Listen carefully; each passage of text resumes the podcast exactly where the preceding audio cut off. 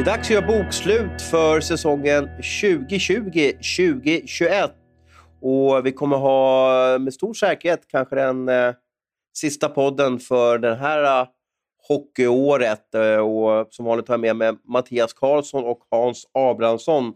Hur har din helg varit Abris? Vi fick ju chansen att jobba ihop här i onsdags under ett intensivt dygn. Har du hunnit vila ut efter både SM-guld och avancemang till SHL? Ja, det har varit en helg i eh, vilans tecken måste jag säga. Man behövde nog sova igen lite grann verkade det som där och eh, det var ju jättekul. I säsongens sista match så fick vi äntligen jobba tillsammans den här säsongen. Så det var ju ja, det var ju häftigt. Så att det var kul avslutning och eh, välbehövlig vila.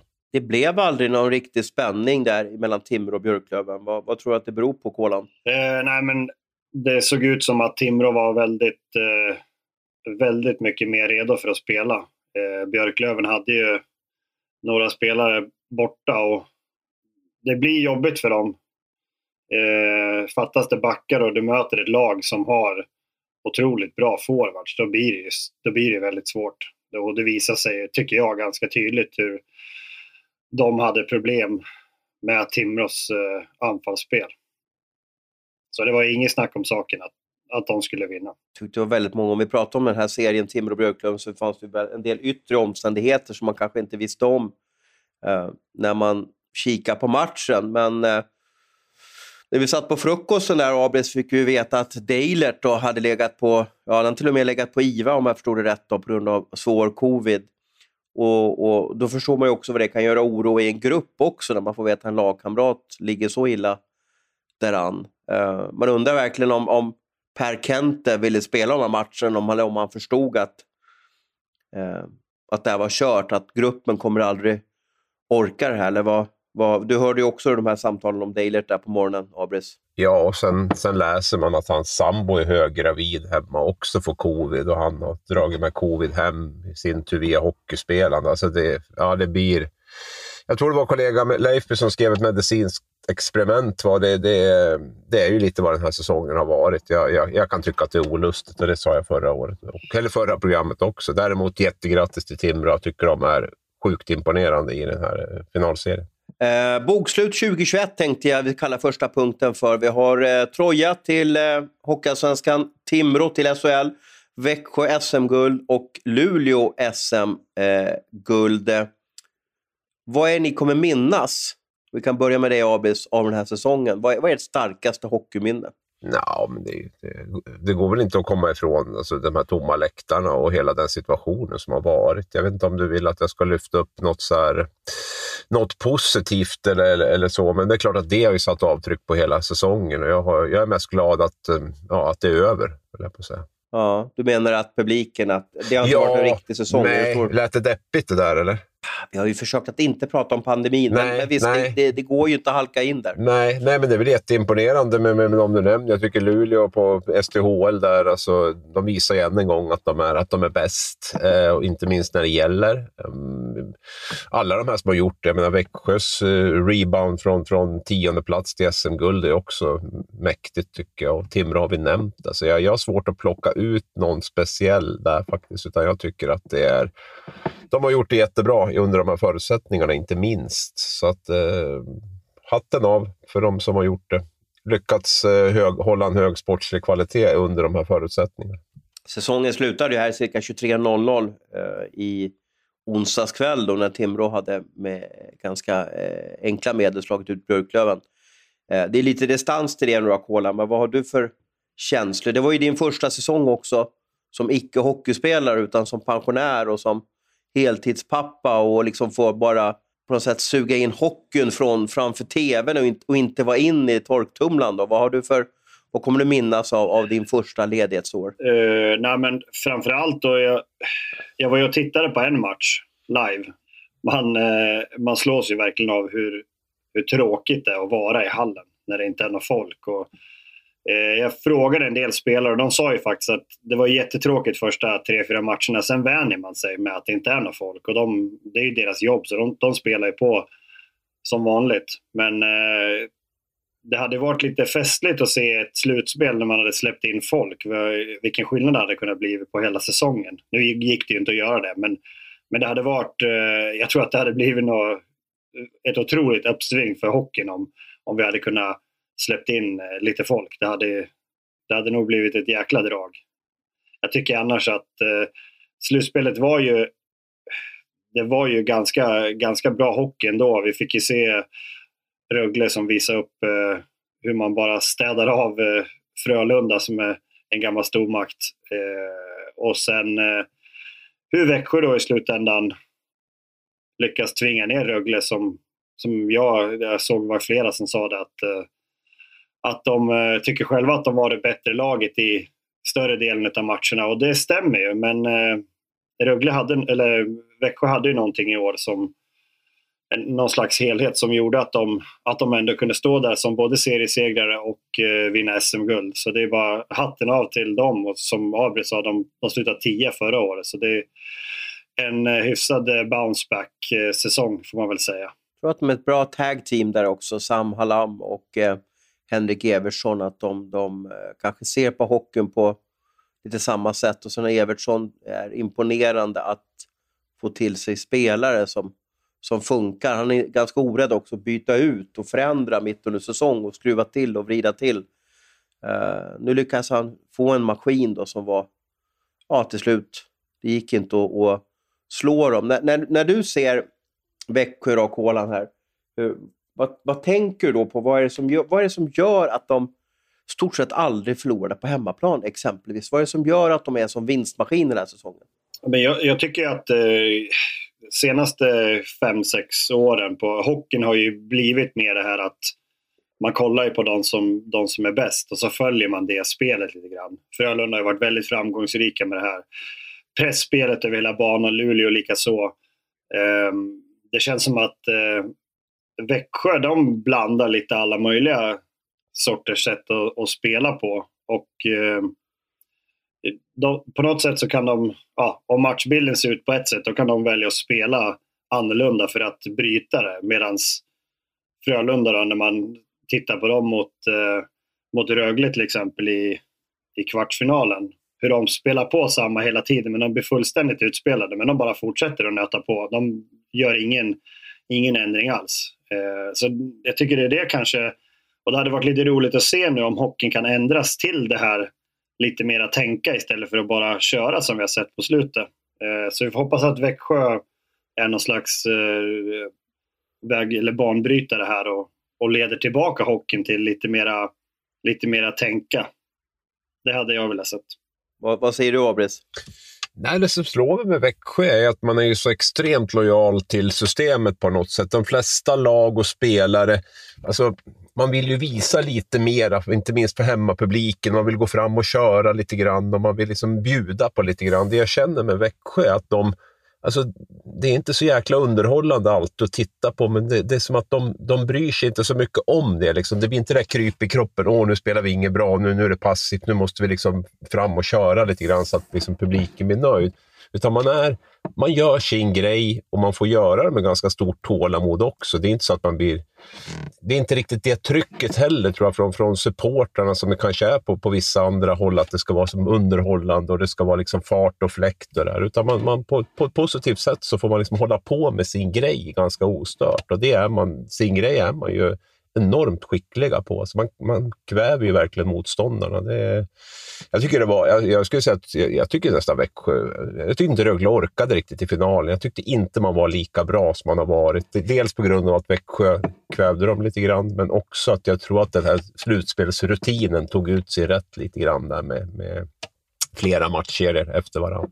Jag fick också en känsla av att, jag tror vi pratade om det förra måndagen, att eh, när Sam Hallam gick och markerade mot Morris Sider så förändrade lite. Jag, jag, ihåg, jag tror du var där nere på den matchen och du, du fick inte prata med Morris Sider. Var det så, Abris? Ja, det var dagen efter. Där, för det här utspelet kom ju när spelarintervjuerna var gjord då på, på um på kvällen då, så kom ju presskonferensen i efterhand som inte vi fick vara på. Jag, jag, tror ju inte som dig, men där vill jag jättegärna bolla över till Kolan som ändå har spelat alldeles nyligen. Och eh, jag tror inte att det var det som störde Rögle, men jag kan ha fel där. Då får Kolan, vad tror du? Det, det jag, jag bara ska försöka förklara mig innan du kommer in Kolan, så menar jag ju liksom att jag tror Sam Hallam gjorde det här utspelet med en med en baktanke att han ville få ut Seider lite i balans och kanske fundera lite, för han såg han kanske som ett hot så att domarna fick lite mer fokus på honom eh, hela tiden. Sen om Morris Seider bryr sig om det, det vet jag inte. Jag såg ju någon sekvens där han var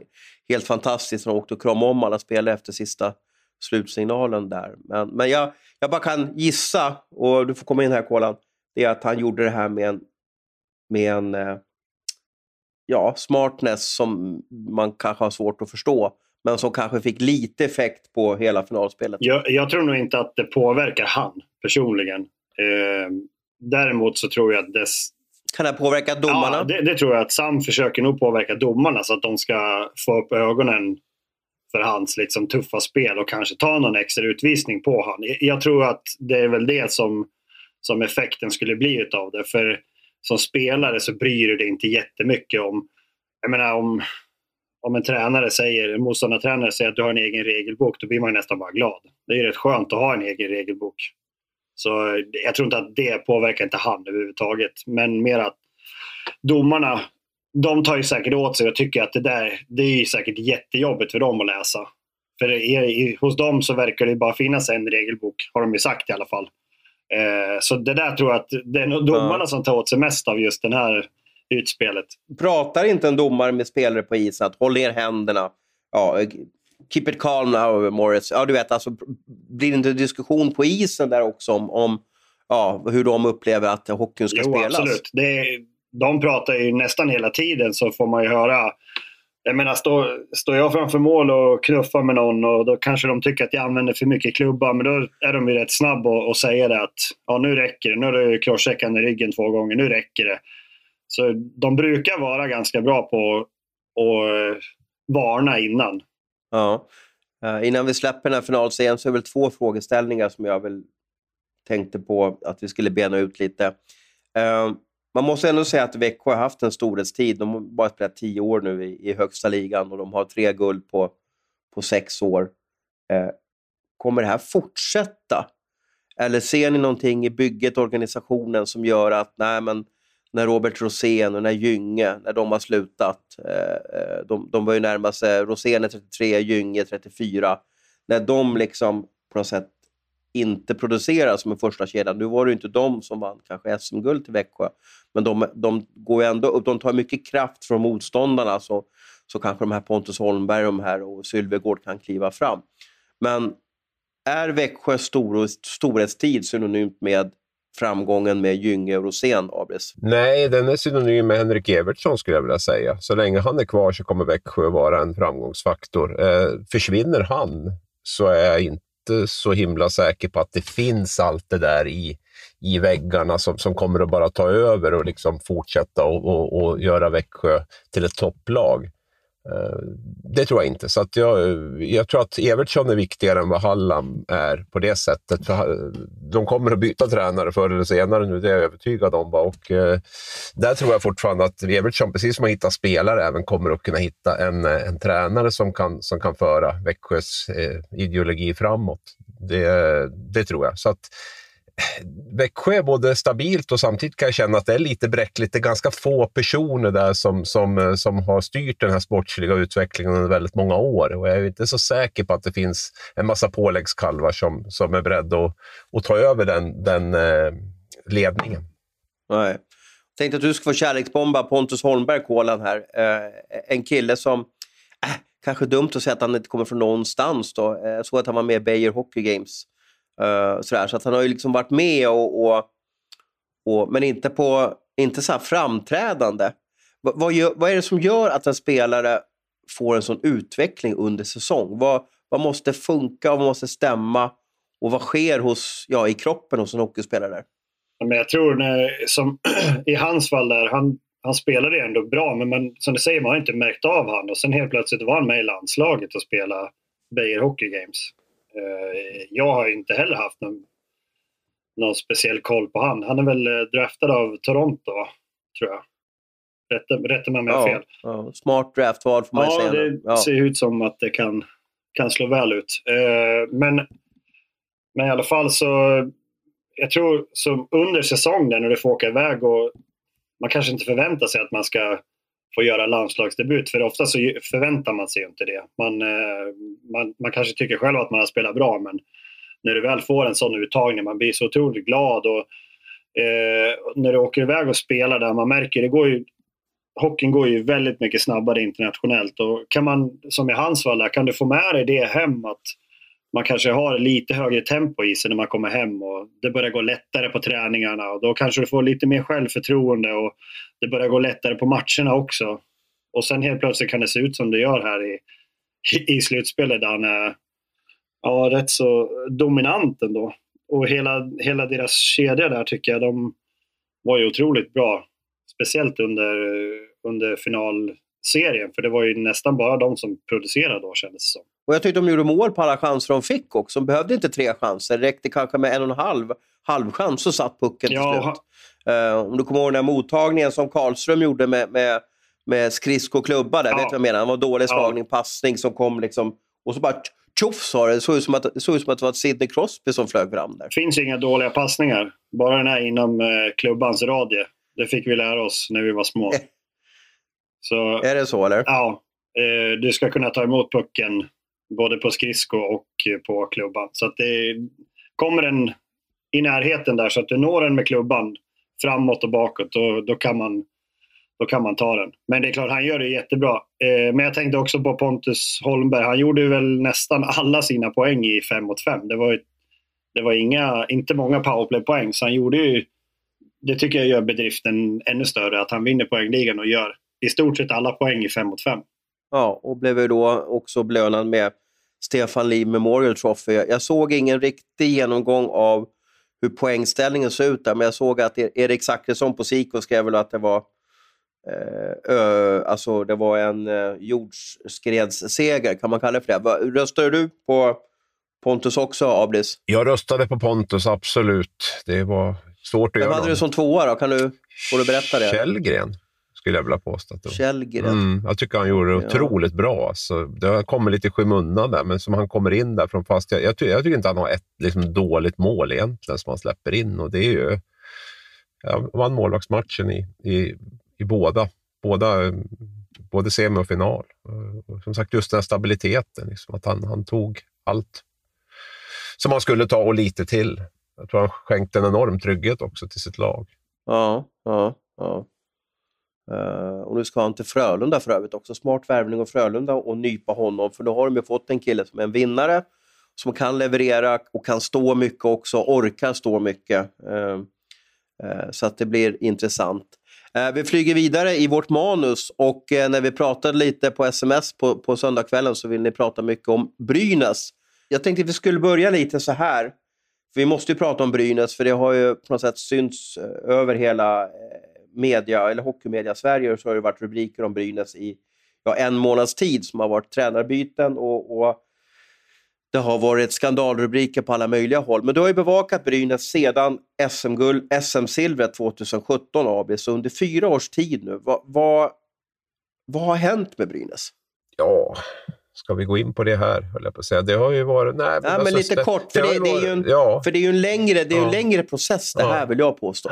Jo, absolut. Nej, och det är, jag menar, vill man sammanfatta det kort så handlar det ju om ständiga tränarbyten hela tiden. Man har ju dels rekryterat väldigt märkligt och dels haft extremt dåligt tålamod. Och för min, för min ska man peka ut någonting i det här så är det ju... Alltså det Bryn, Brynäs har gjort väldigt mycket bra om man tittar på, på det här med en bra start och det Unicef och rena dräkten och damlaget som tog silver i år. För det finns ju ett stort problem och det är ju herrlaget. Det är, det är ju som det, det som är där kan man verkligen peka på att det här är problemet. Va? Och det sportsliga i herrlaget framför allt. Sen kan man ju alltid prata om att det är rörigt i föreningen och så, men alltså, man har dragit in mycket sponsorpengar, man har haft en spelarbudget som både du och jag vet liksom konkurrerar väl med de här lagen som vinner SM-guld. Det är inte det som har varit problemet, utan problemet är att man har inte kunnat omsätta det här i sportslig framgång på herrlaget. Och gör du inte det så då, då står ju det andra sig väldigt slätt. Jag menar, det är ju det är tufft att hålla sponsorer på bra humör när det hela tiden går dåligt på, på, på isen va? för herrlaget. Då, då är det inte så, så mycket som... och det är svårt att få alltså, trollbinda publiken också va? Och, och, medlemmar och, och supportrar och allt vad det är när herrlag. Så herrlaget är så otroligt viktigt och där har man misslyckats kapitalt. Det, det är ju inget att snacka om och det är ju, där, där ligger ju kärnan i det. Ja. Så nu har vi ju haft eh, två spelare, eh, helt otroligt, i samma klubb då, som har råkat ut för problem vid sidan om isen. Är det någonting som man kan dra någon, någon jämförelse med problematiken som har varit under längre tid? Eller är det bara en oerhört tragisk och förjävlig Uh, att det sker i samma klubb. Ja, absolut. Ja, ja. Nej, men det kan väl hänga ihop med det jag var inne på. Det kan väl naturligtvis finnas en del i att man kanske, eh, eh, som jag var inne på, lite dåliga rekryteringar tidigare. Hur noggrann är man när man undersöker en tränare, om man är rätt person? Hur noga är man när man undersöker om en spelare är rätt för klubben? Det är klart att det kan finnas något där kan ju också vara otur och slump naturligtvis, att, att det blir på det här sättet. Så det, det, är ju väldigt svårt att, att, säga, men, men det man kan säga generellt med Brynäs de här fyra åren är ju att, att eh, scouting, rekrytering på spelare och ledarsidan inte har varit bra. Och det, det kan ju vara det kan ju, bero på, kan ju leda till, till den här typen av händelser. Samtidigt som det kan vara ja. mycket annat också. Jag menar, det blir, det blir också en, en diskussion hur man... Det är ju, utan att nämna några spelare så är det ju det är spelare som har varit väldigt kort tid i klubben. Och då är frågan hur, hur mycket ansvar kan man lägga på diverse värdegrunder och, och, och allt annat och på klubben i stort och, och, och så. Va? Det, det där är ju det där överlåter jag till, till andra som har väldigt lätt för att, att tala om hur det, hur det är och inte. När du har läst de här svarta rubrikerna, Kolan, vad har du fått för tankar och känslor och, och, och, och sådär? Ja, men det, det är ju tragiskt att, att en klubb har två spelare som, som utreds. Det är ju det är nästan helt osannolikt. Jag har aldrig varit med om Jag har aldrig spelat i ett lag där, där en spelare har blivit, jag tror inte det i alla fall, där en spelare har blivit eh, anklagad för sådana här saker. Och nu som en förening som har det svårt ändå, har två som, som har varit anklagade för det. Det är, det är helt osannolikt. Är det. Eh, jag, vet inte, jag vet faktiskt inte vad jag ska tycka och tänka om det. Det är, det är bara beklagligt att det, att det är så. Det enda som jag kan tycka med Brynäs är ju...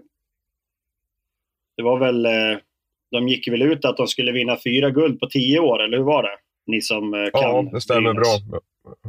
Ja, och det känns som att eh, det, det, kan ju vara det kan ju vara bra om man spänner bågen högt och så vidare men det är ju helt orimligt tycker jag att man går ut med, med den, en sån stark eh, målsättning. Det, jag vet inte, lägger onödigt mycket press på en, på en klubb kan jag tycka. Nu får processen vid sidan om isen ha sin tid och, och, och sin gång. Brynäs har ju återsamlats förra veckan. Uh, man har börjat köra igång. Man har, uh, och fyll i här Abris om jag glömmer någonting. Man har uh, ingen tränare, man har ingen sportchef, man har ingen klubbdirektör eller VD eller kapten. Uh, man har en styrelse som har ställt sina platser till förfogande. har jag missat någon? Nej, det är väl styrelse, det är sportchef, det är klubbdirektör och det är tränare. Så det är de. Ja. ja. Vad är viktigast för Brynäs att få in Abel? Alltså hur ska man... Vi är ju snart inne i juni. Ja, säga, du, måste ju, du måste ju börja rätt ordning. På, på något sätt så sitter man ju lite moment 22 med det här, eller, eller 21 eller vad det är. Och, eh, alltså styrelse, styrelse är ju det viktigaste. Det är de som ändå ska fatta de övergripande besluten. Vem som ska bli klubbdirektör som i sin tur en sportchef. Så att, säg att den här styrelsen tillsätter en sportchef nu eller en tränare och, och så, kom, och så blir de utbytta då i, i sommar och så kommer in en ny styrelse som, som, som inte har förtroende för, för dessa. Då. Så att det, det, är klart att man, man behöver ju börja högst upp, så, så enkelt är det ju. Sen, sen förstår jag också att, det, att det behöver jobbas parallellt med de här sakerna, för tittar man rent, rent krasst så är ju naturligtvis ja, en tränare är väl liksom det viktigaste, men han är ju egentligen längst ner i den här kedjan av, av de här tillsättningarna som, som vi pratar om nu. Så det, blir lite, det blir lite bakvänt hur man än gör. Det är ju det är en helt unik situation också över hur det... Det finns ju ingen som har varit i den här situationen tidigare eh, i svensk elithockey. Jag, jag har väl läst lite på Gävle Dagblad här och då känns det som att det är många som också kliver fram och säger att jag vill rädda Brynäs, jag kan göra det här. Och, och, och att, att Brynäs blir som en sån där kaptenlös båt som bara liksom flyter omkring ute på oceanen där. Och, och, Det är väldigt viktigt. Och Jag vet ju inte vem det är som ska bestämma det. Alltså, vem, det är ju inte valberedningen som har makten. Det är de som namnger personerna som, som ska röstas in i en ny styrelse. Och Då är det ju så otroligt viktigt att valberedningen vet, vad, har kunskap. Eh, vad krävs för att Bryn ska komma på fötter till säsongen startar? Det är, att byta, byta ut någon ledamot hit och dit det är helt okej okay om man har att det funkar som i Skellefteå, eh, ja, Växjö nu och, och, i många andra klubbar. Jag skulle nästan nämna HV, men så kom jag på att de har ju åkt ut också. Även fast de har ja, alltid haft walk in the park egentligen med, med, med, med hur de har haft det i, i sin organisation. Eh, men man undrar bara hur de här i valberedningarna, stackarna säger också, ska hitta rätt personer som fixar det här. Ja, och sen är ju medlemmarna, ska vi lägga till, som det är väl de som sitter på den slutgiltiga makten när det gäller omröstningar och sådär på årsmötet. Jo, om de orkar engagera sig och ja, bryr sig så sitter inte, de absolut på makten. Engagerar de sig inte nu så vet jag inte, då kommer de nog aldrig att engagera sig. Så det, det, det, är väl en, eh, en eh, blir väl en nyckelfråga naturligtvis. Men ja, det, det, kan nog bli många turer innan, innan de är klara där. Och det, det är ju som du säger, men när du när, man lämnar skeppet liksom är helt förarlöst, det är klart, då öppnar det upp för många att kliva på och vilja styra skutan. Och det är ju inte säkert att det alltid blir så, så lyckat heller. Eh, det, bästa, det bästa är naturligtvis att man kan, kan byta någon post då och då. Men nu, är det liksom, nu ska alla positioner tillsättas samtidigt och det ska eh, in nytt folk. Och eh, ja, det där det där är jag glad att jag inte är med och håller på och roddar i, kan jag säga. Skulle du kunna tänka dig att bli klubbdirektör för Brynäs? Frågar du Kolan, eller? Nej, frågar Abis. Nej, för, nej, för fan. Nej, nej, nej. nej, nej jag har, den självinsikten har jag att jag inte har den kompetensen. Det är kanske fler som borde vara självkritiska och ha självinsikt vad man klarar av och inte klarar av. Så att jag, jag avböjer ödmjukt och säger att jag inte har kunskapen för, för att ha en sån stor eh, post. Vem tycker du Kolan ska ta över Brynäs? Då? Har du något namn som känner att ja, men det, där vore, det där vore bra? Han, han, den där killen har jag jobbat med eller träffat. Han, han kan få ordning på det där. Vilken post tänker du på då? För det finns ju några lediga. Ja, men jag tror klubbdirektör. För det är på något sätt där som man måste börja. För då kan han tillsätta sportchef som kan tillsätta tränare och så kan vi i alla fall få igång säsongen. Jaha, men då tycker jag då sätter vi dit eh, Inge Hammarström. Ja, mm. Vad säger du om det, Abris? Ja, alltså jag, den, den jag skulle lyfta fram här är ju är Lasse Johansson, faktiskt, Skellefteås gamla general manager. Jag vet att han vill säkert inte ha det här jobbet. Han har jättebra i, i Ryssland, i storklubben Sankt Petersburg. Men, men är det någon spontant som jag känner skulle kunna, kunna förändra hela organisationen och eh, ända från, från pojk och juniorsidan upp till, till styrelserummet så, så är det faktiskt han. Så att det, det hade varit mitt, mitt förslag till, till Brynäsledningen. Men då får de tampas med massa rubel som han inkasserar. Ja, men har du tänkt på också hur vi, hur vi ganska lätt tittar i hockeyfamiljen och i liksom ankdammen ishockey? Ja. Att vi inte väljer att kika på, behöver inte de bara en skicklig för, företagsledare och sen kan sporten göra sitt? Ja, absolut. Men det blir också lite så här, vi ska sitta och hålla på och komma med... Alltså det här är ju en lång process. Här måste man liksom, det, det, här handlar ju om människor som ska tillsätta de här positionerna. då måste man ju jobba med det också. Det kanske man inte gör i ett poddrum liksom på, på, på uppstuds, så där, utan det måste man ju ha ett gäng kandidater som man intervjuar och som man får en, en bild av. Och det ska jag säga att min huvudsyssla arbetsmässigt är ju faktiskt inte att, inte intervjua tilltänkta eventuella klubbdirektörer. Så att jag har inte riktigt kompetensen heller på det, på det området. Det är bara att erkänna. Vi måste prata om eh, måndagens, eh, ja, en av de stora nyheterna på måndagarna här. Eh, det kommer ju komma, jag vet att Brynäs kommer komma med någon information idag också om någon typ av framtidsvision eller vad som sker nu. men den har inte kommit innan vi spelar in det här. Men Expressen hade en jättepigg nyhet på måndag morgonen. Dick Axelsson väljer att eh, avsluta sin karriär. Eh, stor intervju med, med Expressen. Um, hur har Dick Axelsson påverkat svensk hockey, Kolan? Han har nog påverkat svensk hockey ganska mycket ändå, skulle jag vilja säga.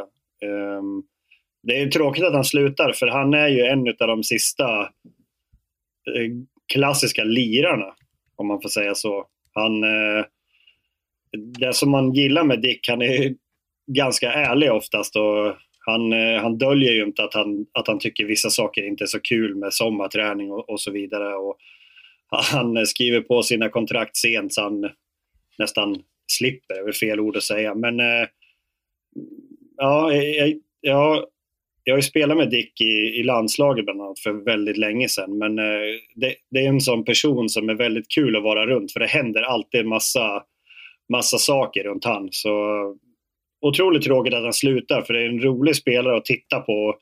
Han eh, är ju också en sån som eh, när det går emot lite grann. Att det kan ju verkligen hända vad som helst ute på isen. Han kan eh, dribbla upp hela laget och göra ett mål eller han kan eh, hugga, hugga klubban över armarna på någon så han får matchstraff eller skrika åt domaren. Så att, eh, det händer alltid mycket. Jag kan tänka mig att för er som är journalister så är det ju, det är ju drömmen att ha en sån och, och få jobba emot. Liksom. Jag har ju följt honom eh, eh, hela karriären. Eh, han kom ju upp i Huddinge tillsammans med eh, Linus Klasen där och jag minns att när de spelade powerplay ihop i, eh, i Huddinge eh, Linus hade lite tuffare än vad Dick hade i Huddinge, för han var petad en del. Eh, Sådär. Men Dick var oftast liksom stora stjärnan där. Uh, men du vet, när de körde powerplay, det måste ha legat på en powerplay-procent på 35-40 eller någonting. Det var helt otroligt hur de var, eh,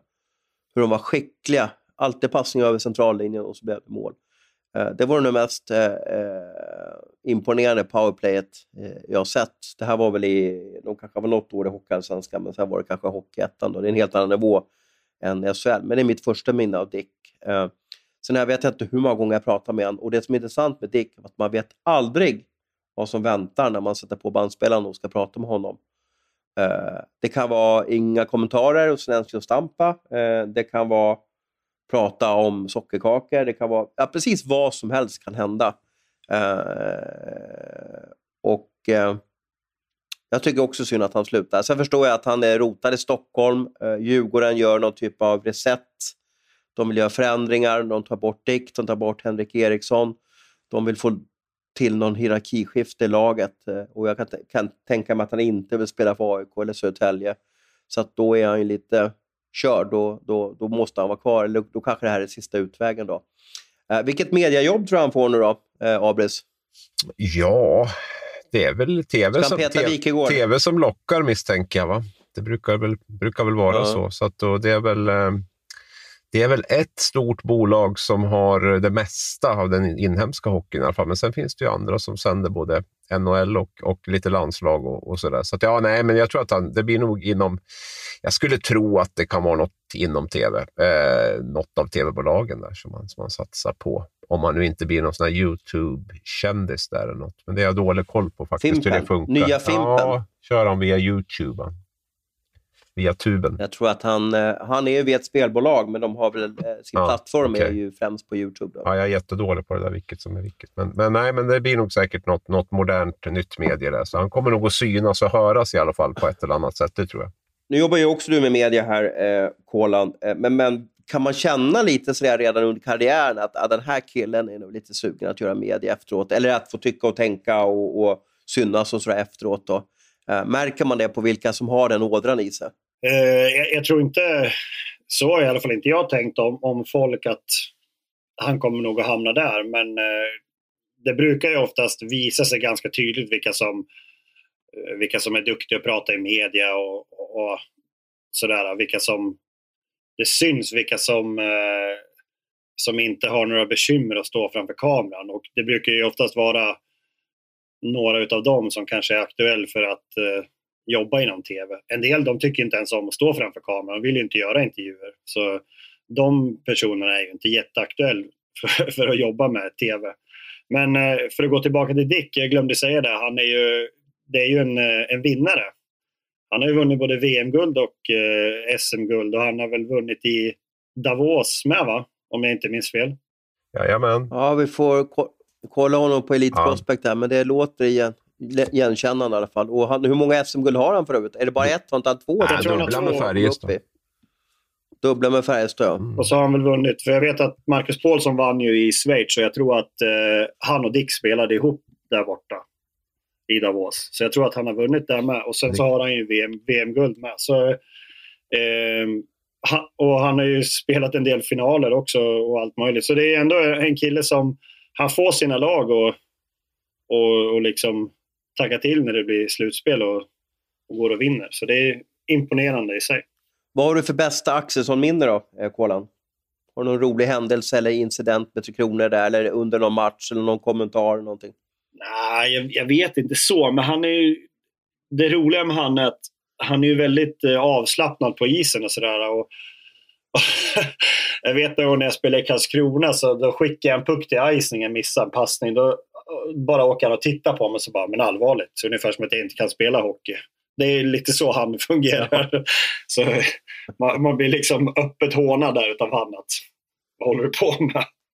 Du har haft att göra med länge också, Abis. Har du något speciellt som, som du minns eller som du kan le åt eller om du kan vara lite tjurig över någonting? Har du något sånt där med honom? Nej, vi ska väl vara positiva nu tycker jag. Vi behöver inte dra upp några sådana gamla. Eh, nej, för mig, jag, jag tänkte lite snabbt på det innan vi började spela in. Jag, jag kommer ihåg hockey-VM 2013. Jag, det, det, är nog det bland det bästa jag sett honom. Lite i skymundan faktiskt, där Sverige hade ett dåligt lag innan sedinarna kom in. Och jag tyckte han var klart bäst där i i gruppspelet då, även om inte han öste in poäng. Eh, framförallt tyckte jag han var en bra, bra kombination där mellan sin skicklighet och det här. Eh, ja, han jobbar ju lite hemåt också. Behöver inte jobba ihjäl sig hemåt, men han, han gjorde det som... Nej, jag tyckte han var, han var riktigt bra då. Och sen vart han skadad, lite halvskadad där mot slutet, så det var lite synd för honom. Men det är väl det är ett sånt här minne. Även finalserien tycker jag däremot, eller slutspelet 2019 när han ja, ska inte säga att han bar Djurgården, men, men, men han var otroligt vass i, i, i det slutspelet där och eh, visade verkligen att han, eh, att han är bra i skarpt läge. Så det, är väl, det är väl de två som, som poppar upp lite spontant faktiskt. Jag minns någon friläge han, eh, han hade här när han bara åker rakt rak mot mål, gör ingenting med pucken, håller bara pucken rakt framför sig och så bara skyfflar han upp den i, i, i nättaket. Gör ingenting, bara rakt framåt och sen bara poff, upp i nättaket. Så oerhört enkelt, men vad är det din gamla tränare Abri sa? Det, det geniala är det enkla, det enkla är det geniala. Ja, det kanske var så. Ja, det är säkert. Jag, jag tror Janne Karlsson, jag pratade med honom ja, någon gång. Mm. Ja, precis. Men han sa någonting sånt där i alla fall om det. Mm. Det tyckte jag var, det, låter, det, låter, beskriver lite hur Dick var i det här friläget. Då. Jag vet inte om ni kommer ihåg eller vet vilka jag tänker på. Åk bara rakt framåt och bara bup, upp i nättaket. Så här enkelt, så att man inte, inget, inget tjafs, inga dragningar, inget, inget, ingen larv. Sen är det förmodligen oerhört svårt att göra den här, eh, få den här precisionen i, i lyftet där. Men äh, en skicklig hockeyspelare som kommer saknas oss. Men nu, tror ni inte att han gör comeback då? Är inte han en comeback-kille på något sätt? Hoppar in i februari i, i, uh, i Djurgården efter att ha paddlat hela hösten? ja, han skulle kunna göra det, men tveksamt.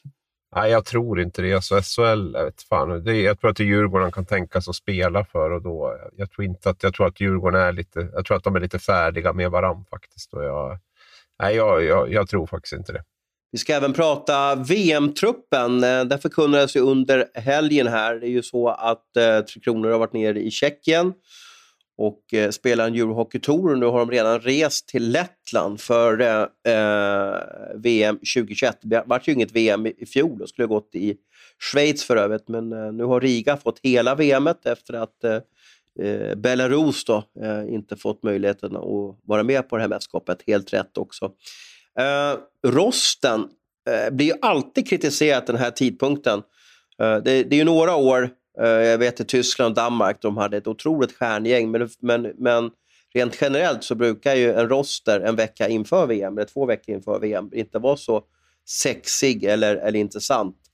Jag vet inte om ni har rosten framför er, men vad, vad kände ni när, ni när alla de här namnen började basuneras ut och, och man hör att oj då, eh, är, är, hur ska man kalla det för? Eh, jag vet inte vilken spelare jag ska ta fram. Det, blir, det blir, känns som att jag hånar den spelaren. Men det kanske inte är de här, det är inte kanske vårt namnkunnigaste VM-lag hittills. Kan ni, vad har ni för beskrivelse över den här truppen? Ja, nej, men det är ju europeiska spelare i princip och det är ju väldigt sällan. Vi brukar väl ha, när vi vann VM-guld så var det väl en eller två spelare från Europa och resten NHL-spelare. Nu är det väl i stort sett nästan tvärtom då, uh, i utgångspunkt i alla fall. Vi får väl se om det är någon som är sugen eventuellt att flyga in. Men, men eh, ja, Finland vann väl VM-guld senast med i stort sett ett europeiskt lag, så att eh, ska väl inte ska väl inte kasta in någonting än. Jag tror inte USA och Kanada heller kommer med sina vassaste lag. Utan det, men normalt sett ska det ju naturligtvis inte räcka mot framförallt Ryssland. Kanada har väl till och med plockat spelare från KHL och det brukar ju inte vara vanligtvis för dem. De brukar ju köra ett helt NHL-lag Mm. Eh, hur ser du på medias bild, det här med när vi alltid, när vi alltid klankar ner på VM-truppen? Att åh, det är ju inte de bästa och sådär. Hur känner du inför det? För det här tycker jag är en bild som i alla fall jag har tyvärr projicerat ut under, under många år. Att åh, titta, här är alla, här, här är alla nej tack till VM ungefär. Ja, jag tycker det läggs ju ganska stort fokus på vilka som tackar nej.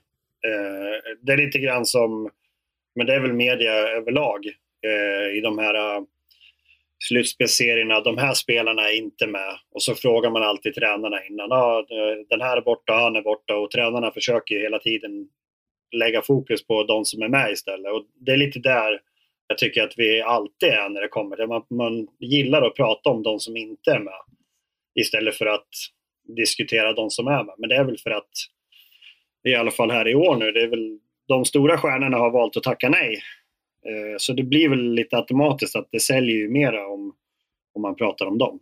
Eh, jag vet inte, jag kan inte bakgrunden till varför alla har tackat nej, men, men det känns som att det är en del har, är inte så sugen på att sitta i karantän och så vidare. Om jag, ni får gärna fylla i här om, om jag har fel. Men... Ja, och där får man ju prata med man ska ju vara väldigt försiktig när man uttalar sig om andras nej tack till ett mästerskap eller till ett jobb som, eller ett uppdrag som det här är egentligen. Då. Men man, man kan väl kika på att det har ju varit en väldigt speciell säsong. Uh, väldigt långa vistelser på hotell för, eh, för killarna. Eh, kanske en säsong som inte varit så rolig heller. Det vill säga utan publik och, och massa tester och så vidare. Så jag, jag kan väl bara se det utifrån att jag tror att många bara tycker att ja, men låt, låt den här säsongen bara gå över och så nästa säsong hoppas vi allting är som normalt igen. Och sen har ju många också spelare vunnit VM-guld. Uh, eh, vi har ju en generation här som, som, som nästan, ja jag vet inte hur många NHL-spelare som kan ha vunnit, men det känns som att vi kanske har 35-40 NHL-killar som har vunnit VM-guld och de har man vunnit en gång så kanske det inte är lika intressant nästa gång. Jag tyckte det var jättefascinerande att Rickard Rakell jag vet inte om han är största stjärnan i den här truppen. Eh, sådär. Men han har i alla fall haft väldigt fina säsonger i Anaheim. De tackar jag. Han har ju vunnit ett VM-guld och, och, haft en otrolig resa eh, tillsammans med den här Stockholmskedjan eh, i ett VM. Att han kommer tillbaka tycker jag var oerhört häftigt då, eh, och, och, vill visa igen. Det, oftast så behövs det ju att en sån där kommer så kommer fler. Nu har det inte kommit så oerhört många fler då, men det, det är ändå roligt att Viktor Olofsson kommer som vad han kallas för i Buffalo, Golovson eller vad han kallas för. Då. Sen får vi se då. Vi har ju eh, kanske någon spelare från Calgary eller Vancouver som kan hoppa in. De avslutar i sin grundserie nu på måndag morgonen faktiskt. Lite knepigt när slutspelet redan har börjat, men det är ju så den här säsongen är. Eh, har de någon chans på VM-guld, Abris? Eh, nej, normalt sett inte naturligtvis. Så är det ju. Eh, det, det, ska väldigt mycket till, men eh, samtidigt, ja, får man ihop gruppen, som det heter, som Finland fick 2019, så, så visst, det, det, det, är inte, det är ju inte riktigt lika vast, eller det är inte alls lika vast motstånd som det brukar vara heller. Eh, det ska man också ha klart för oss. Det blir lite mer Eurohockey Tour-känsla över den här, det här VM. Så enkelt är det. Jag tror att de jag tror man får ta in sex NHL-spelare efter eh, 16 maj, då, vilket har passerat. Och då är det minst fem dagars karantän på de här. Då. Eh, det jag vet fan om det är någon som är så sugen på det. Så vi, vi får nog utgå från att det till stora delar blir de här trupperna som, som är anmälda nu. Och då ska det ju normalt sett inte räcka. Det är en 28-mannatrupp man har tagit ut också, så det är många som inte kanske kommer få spela till slut av de här. Uh, bara någon typ av taxis kvar där i Riga. Fantast, fantastisk stad och jag lider lite med att, att vi troligtvis inte ska dit, Abris, uh, och att fansen inte får komma dit. För det, det hade varit en, en ett sommar-VM eh, som det nu är eh, i Riga. Eh, vi vann ju guld där 2006 när Detroit-gänget kom in. Eh, det hade varit kul att få uppleva en, en eh, mysiga två veckor i, i, i Lettland. Det, de älskar sin hockey, de är oerhört passionerade. Även fast Sverige mötte Frankrike eller de mötte så var det flera tusen på läktaren och, och, och det var lätt som var där. De blåste sina tutor och, och de tyckte det var oerhört stort med ett, med ett VM på hemmaplan. Så att det hade varit eh, det hade varit en ynnest att få bevaka ett hockey-VM i Lettland. Men får, så får det det blir. Det får bli nästa år. Vad går det nästa år någonstans, Abris? Jävlar vad du satte mig på pottkanten nu. Jag har, jag har faktiskt ingen aning om jag ska vara helt ärlig. Borde jag kunna det? Nej, jag vet inte. Det, det brukar ju vara Ryssland vart tredje år, så vi, det kanske är Ryssland Ja, igen. jag ska, jag, ska ta, jag ska ta en snabb, snabb googling bara för att du var på med där. Så får vi se. Kolan kanske har, kan vet vilket det är. Nej, Helsingfors är det för sjutton. Helsingfors. Helsinki och Tampere. Mm. Ja, de har med en ny arena i Tampere. Ja, det var väl så här NHL-mått från och med då, va? var det inte så? Eller? Har jag för mig. Ja, Ja. ja. Just. Jo, Kolan, du noterade en, intervju, in, en intressant intervju med Viktor Stålberg. Eh, vad, kan du återge lite vad han sa i den här intervjun och, och hur, vad du reagerade på?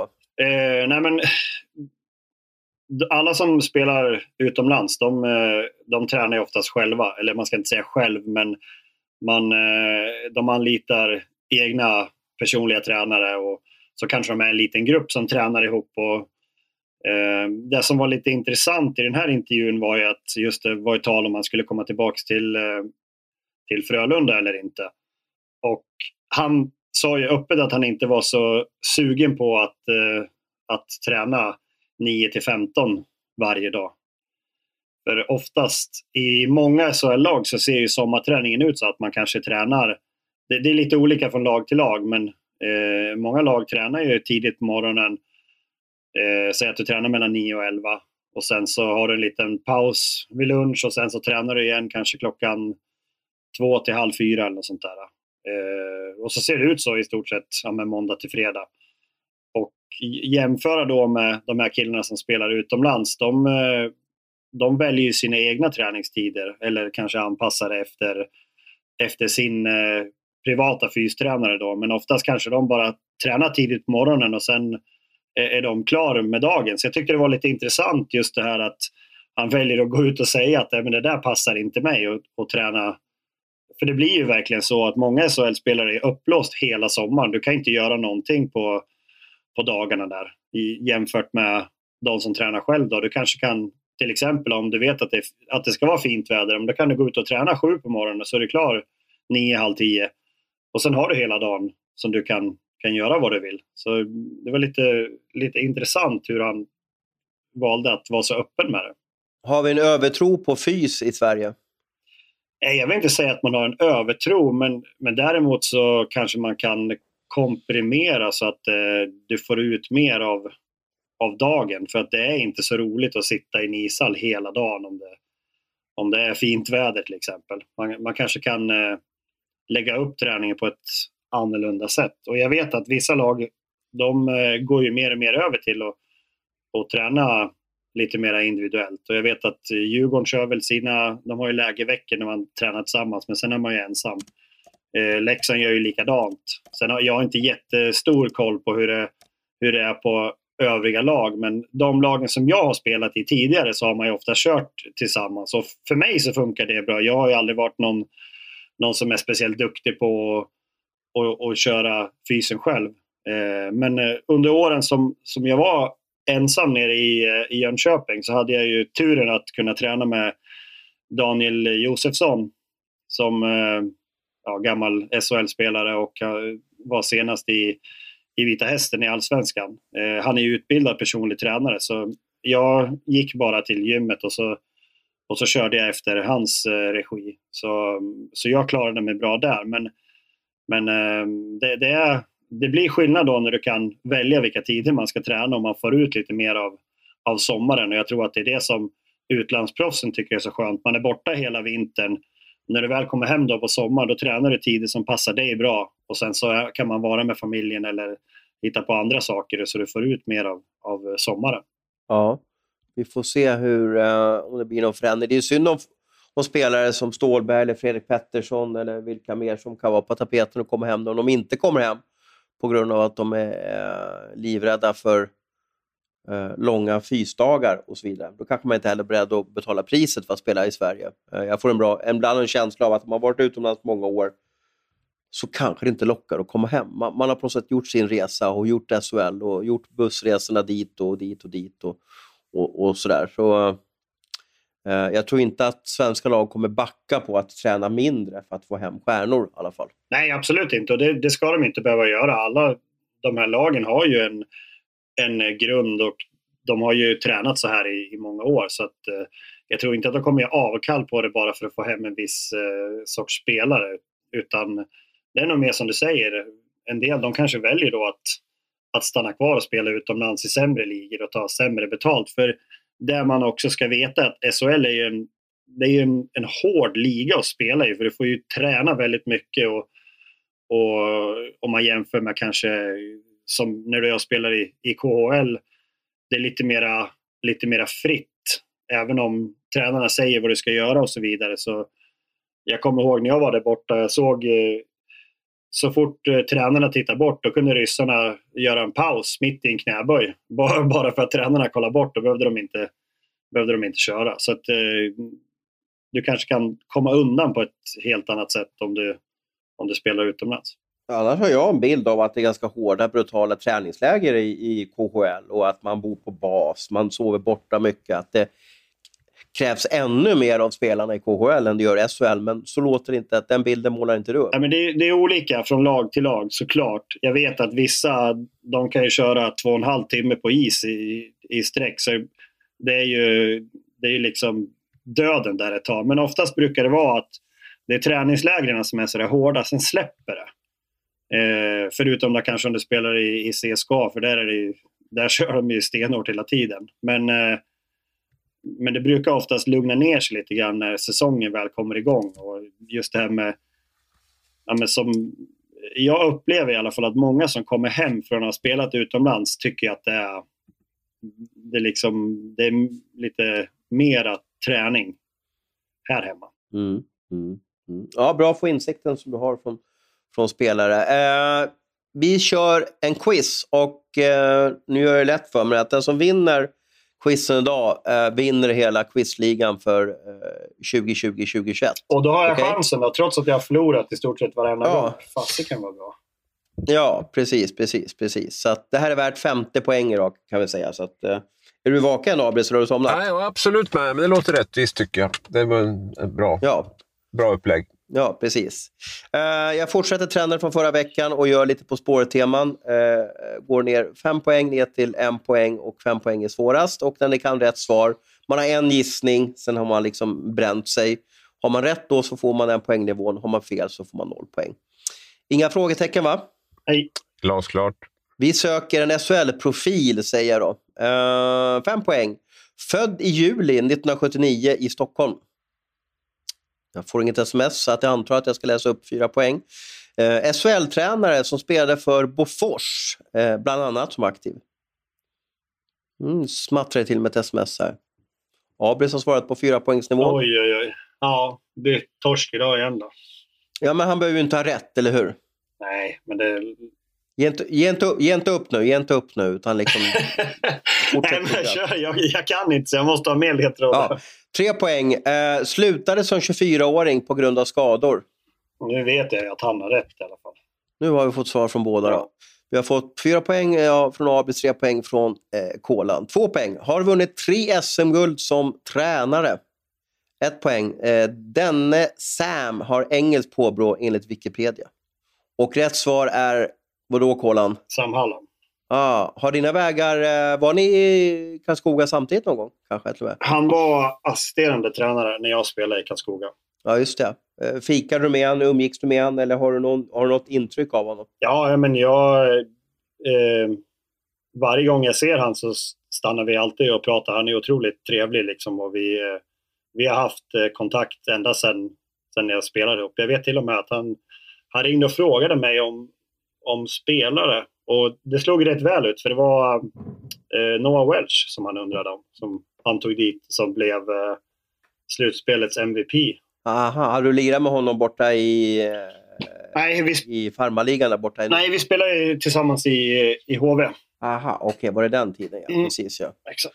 Ja, men det slog väl bra. Det var väl en ledarprofil och det var väl kanske det han... Eh, hur ställer en tränare en sån där fråga? För det är väldigt vanligt att sportchefer och tränare ringer till spelare och frågar om eh, andra spelare ifall de ska värva dem. Vad är de vill veta för något då? Ja, men, eh, all, vi pratade ju tidigare i den här podden om eh, det här med Brynäs, hur man kanske... Du måste ställa frågor om spelarna, hur de är och så vidare. Eh, som när jag får den frågan, det är ju inte hur bra är han på hockey? Jag menar, de ser matcherna som vi gör. Utan han kanske frågar, frågar andra saker då om eh, hur, hur är han som person? Hur skulle han fungera här hos oss tror du? Ja, så, sådana frågor är det mer att de, de frågar runt spelaren hur, hur de är i omklädningsrummet och hur de är som, som personer vid sidan av. Så det är lite mera sådana grejer det handlar om än kan han spela powerplay. Är man ärlig då? då? Eller hur svarar man om det är en polare till dig? Då, då säger väl du bara bra grejer, eller? Ja, alltså det är ju svårt det där. Det är klart att eh, som i det här fallet tyckte inte jag att det var något svårt. Jag, jag är inte jättebra kompis med han så, mer än att vi spelade tillsammans en säsong. Men jag tycker att han var en, en ganska duktig spelare. Sen att jag trodde inte att han skulle bli så bra som, han, som jag tyckte att han blev då under tiden i Växjö när han växte ut till någon slags giganter i, i slutspelet. Eh, det kan jag inte säga att jag såg när vi spelade tillsammans. Men det hann ju gå en tid sådär och han utvecklades och, och blev mycket bättre. Men eh, jag sa i alla fall att jag tror att det kan, att det kan vara bra för er. Han, han är en, en bra spelare och en bra person. Så, så det kommer nog att fungera. Och det gjorde det. Uh, vi har lite ämnen kvar som vi ska behandla innan vi, vi tackar för oss. Och, och Per Lindholm är jag lite fascinerad över. Uh, också en nyhet som basunerades ut här under helgen. Uh, han lämnar Skellefteå trots att han kom hem från Nordamerika med ganska tilltufsad eftersom en, en tuff säsong i Nordamerika. skrev ett väldigt långt kontrakt och nu bryter han det direkt och drar utomlands. Sa du åfan när du läste det Abris eller struntade du i det? Nej, men det var väl, det var, vi hade ju precis satt eh, kamikaze-tipset där och tippat Skellefteå högst upp mm. och en stor anledning till det var väl Per Lindholm eh, bland annat. Och när han försvann nu så det är väl kanske, ja, är det, är det SHLs bästa center? Jag skulle väl nästan påstå det. Va? Eh, klart att då blir det ju... Det är ju inte så lätt att ersätta heller och en kille som är därifrån och som en jäkligt stark liksom, känsla för klubben och på otroligt bra kille och allting. Så det, det, blir ett helt paket som ska ersättas. Och det har ju... Ja, det är ju inte så himla enkelt. Så det, det, är klart att det varit en liten åh fan känsla över den. Um, Ja, det är ju lite lurigt det där med de här, man ska basunera ut de här långtidskontrakten. Jag vet att Färjestad gjorde lite lika där med, med, med Marcus Nilsson och Linus Johansson och så försvinner de två veckor senare. Och det är väl lite samma här. Man kanske ska ha lite mer is i magen och nästan ja, vänta med att basunera ut det långa kontraktet tills det är klart att han blir kvar. Man kan väl säga att han skriver på för resten av säsongen och så har man ett avtal eh, sen. Då. Men man blir... Oftast är det 15 maj där som är en brytpunkt då, och det var väl samma sak för, för, för, för Per. Då. Jag, jag är lite förvånad um, över att han orkar dra iväg igen. Uh, jag vet att han ska till KHL, då, jag fått bekräftat. Det är inte vilken klubb där. Jag kan gissa att det är en ganska alltså stor klubb. Jag har svårt att se att han skulle dra till, ja, inte vet jag, de här mindre klubbarna där borta. Uh, men, men det får vi väl veta i veckan vilken, vilken klubb det är. Eh, har man samvetskval när man gör sådär, Kola? Nu vet jag inte om du har gjort det någon gång, men, men du har ändå varit liksom, ja, i, i stöpt som en hockeyspelare och liksom vet hur man tänker. Får man lite så här, ah, ska jag dra iväg? Jag, jag kommer få åtta miljoner där borta, eh, men fansen kommer vara lite tjuriga och sådär. Bryr man sig om sånt där? Jag, jag tänker lite grann på hur... Jag funderar på om det kan ha varit nu när han kom hem, att han, han kanske väldigt gärna ville spela utomlands, men att han inte... Ja, av olika anledningar så fanns inte de erbjudanden på bordet. Och så väljer man att, att skriva på ett kontrakt med, med Skellefteå då igen, där han vet det är hemma för han Eh, men jag menar, han har ju ändå en out direkt efter säsongen är slut. Så det känns som att ja, skriver man de kontrakten då har man ändå någon annan baktanke med det, kan jag tycka. Annars behöver du inte ha en out direkt. Det hade han kunnat haft ja, men efter nästa säsong då, tänker jag. Om det är så att man har för avsikt att spela kvar i, i Skellefteå. Då behöver man kanske ingen out efter två månader. Eh, så det känns som att, att, han, att han kanske kom hem här för att spela visa upp sig igen och, och dra iväg. Så jag tror ändå att han har haft en plan på att han ska åka, annars har man ingen out. Alltså så tycker jag. Sen kan det vara olika från spelare till spelare, men eh, det känns ändå som att han har ju... Eh, han kanske behöver åka iväg och och tjäna in lite mer pengar. Jag vet inte hur mycket... Var han borta två år i Nordamerika eller? Ja, ja drygt två år. Han, han förlorade ju en himla massa pengar i år när han åkte hem också. Det var ju extremt ovanligt att, ja. man, att man gör som han gör och, och kommer hem mitt i en NHL-säsong. Så det var, det, mm. Man får väl väga in det också. Det är konstigt att han försvinner. Det var väl lika konstigt att han kom hem egentligen. Det, det var väl inget Skellefteå hade räknat med överhuvudtaget, att han skulle komma hem och förstärka laget. Men, men eh, Nej, men det är väl klart att man hade kunnat... Jag tycker man kunde haft lite is i magen kanske och, och hållit inne med de där fyra åren tills det blev, blev klart att han spelar nästa säsong i alla fall. Ja, jag, jag håller helt, helt med, men jag tror också, handlar inte det lite grann om, om sponsorer och en framtidstro? Att när du, om du signar på de här kontrakterna, men du går ut med det i media och det ser ut som att, eller det, det syns ju att du satsar, men då kanske du får in några fler sponsorer och så vidare.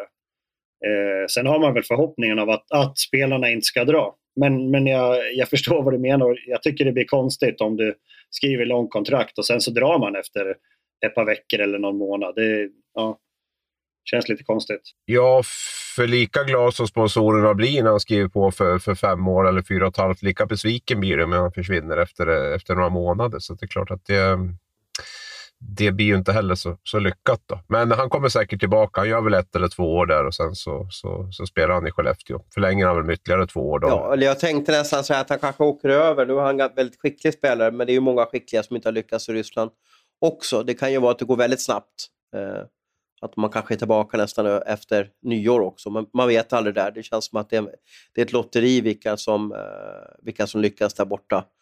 Eh, så. Eh, Silly season då, vad har vi där? Eh, jag fick ju in här att eh, Leksands målvaktsjakt är ganska eh, intensifierad och man skjuter på allt och man har bland annat hört av sig till Adam Reideborn eh, för detta Djurgården och eh, som har haft några bra säsonger i KHL nu. Eh, som jag förstått så är Adams prioritet inte att spela i SHL och kanske, kanske inte Leksand kommande säsong då. Eh, utan det blir kanske en Moskvaklubb för, för Reideborn. Har du hört något intressant som våra lyssnare kan få lite puls av, Abris? Nej, jag har inte hört någonting faktiskt. Så det, var, det är helt dött.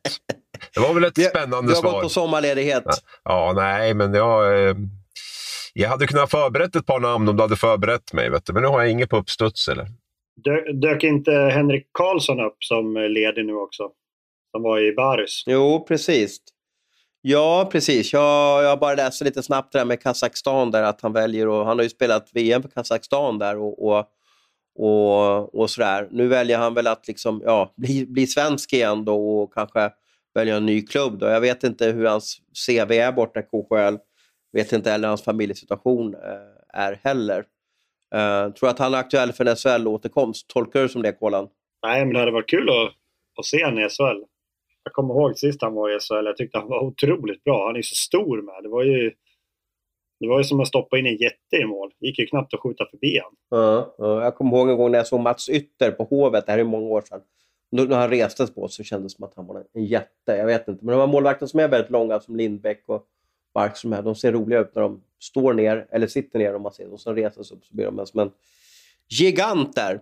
Eh, bra jobbat. Vi har passerat över 60 minuter. Eh, det är dags för folk som har ute och sprungit och lyssnat på oss att gå och duscha och, och få lite majledighet. Eh, vi får tacka för den här säsongen för alla som har lyssnat och, och, och kämpat på med oss trots alla ljudproblem och, och, trots alla taffligheter som vi har bjudit på. Det är jättekul att få prata hockey inför er. Eh, och jättekul att få göra den här säsongen med, med dig Abris och, och på slutet med dig, eh, Kolan. Vi tackar väl för oss och önskar alla en riktigt trevlig sommar.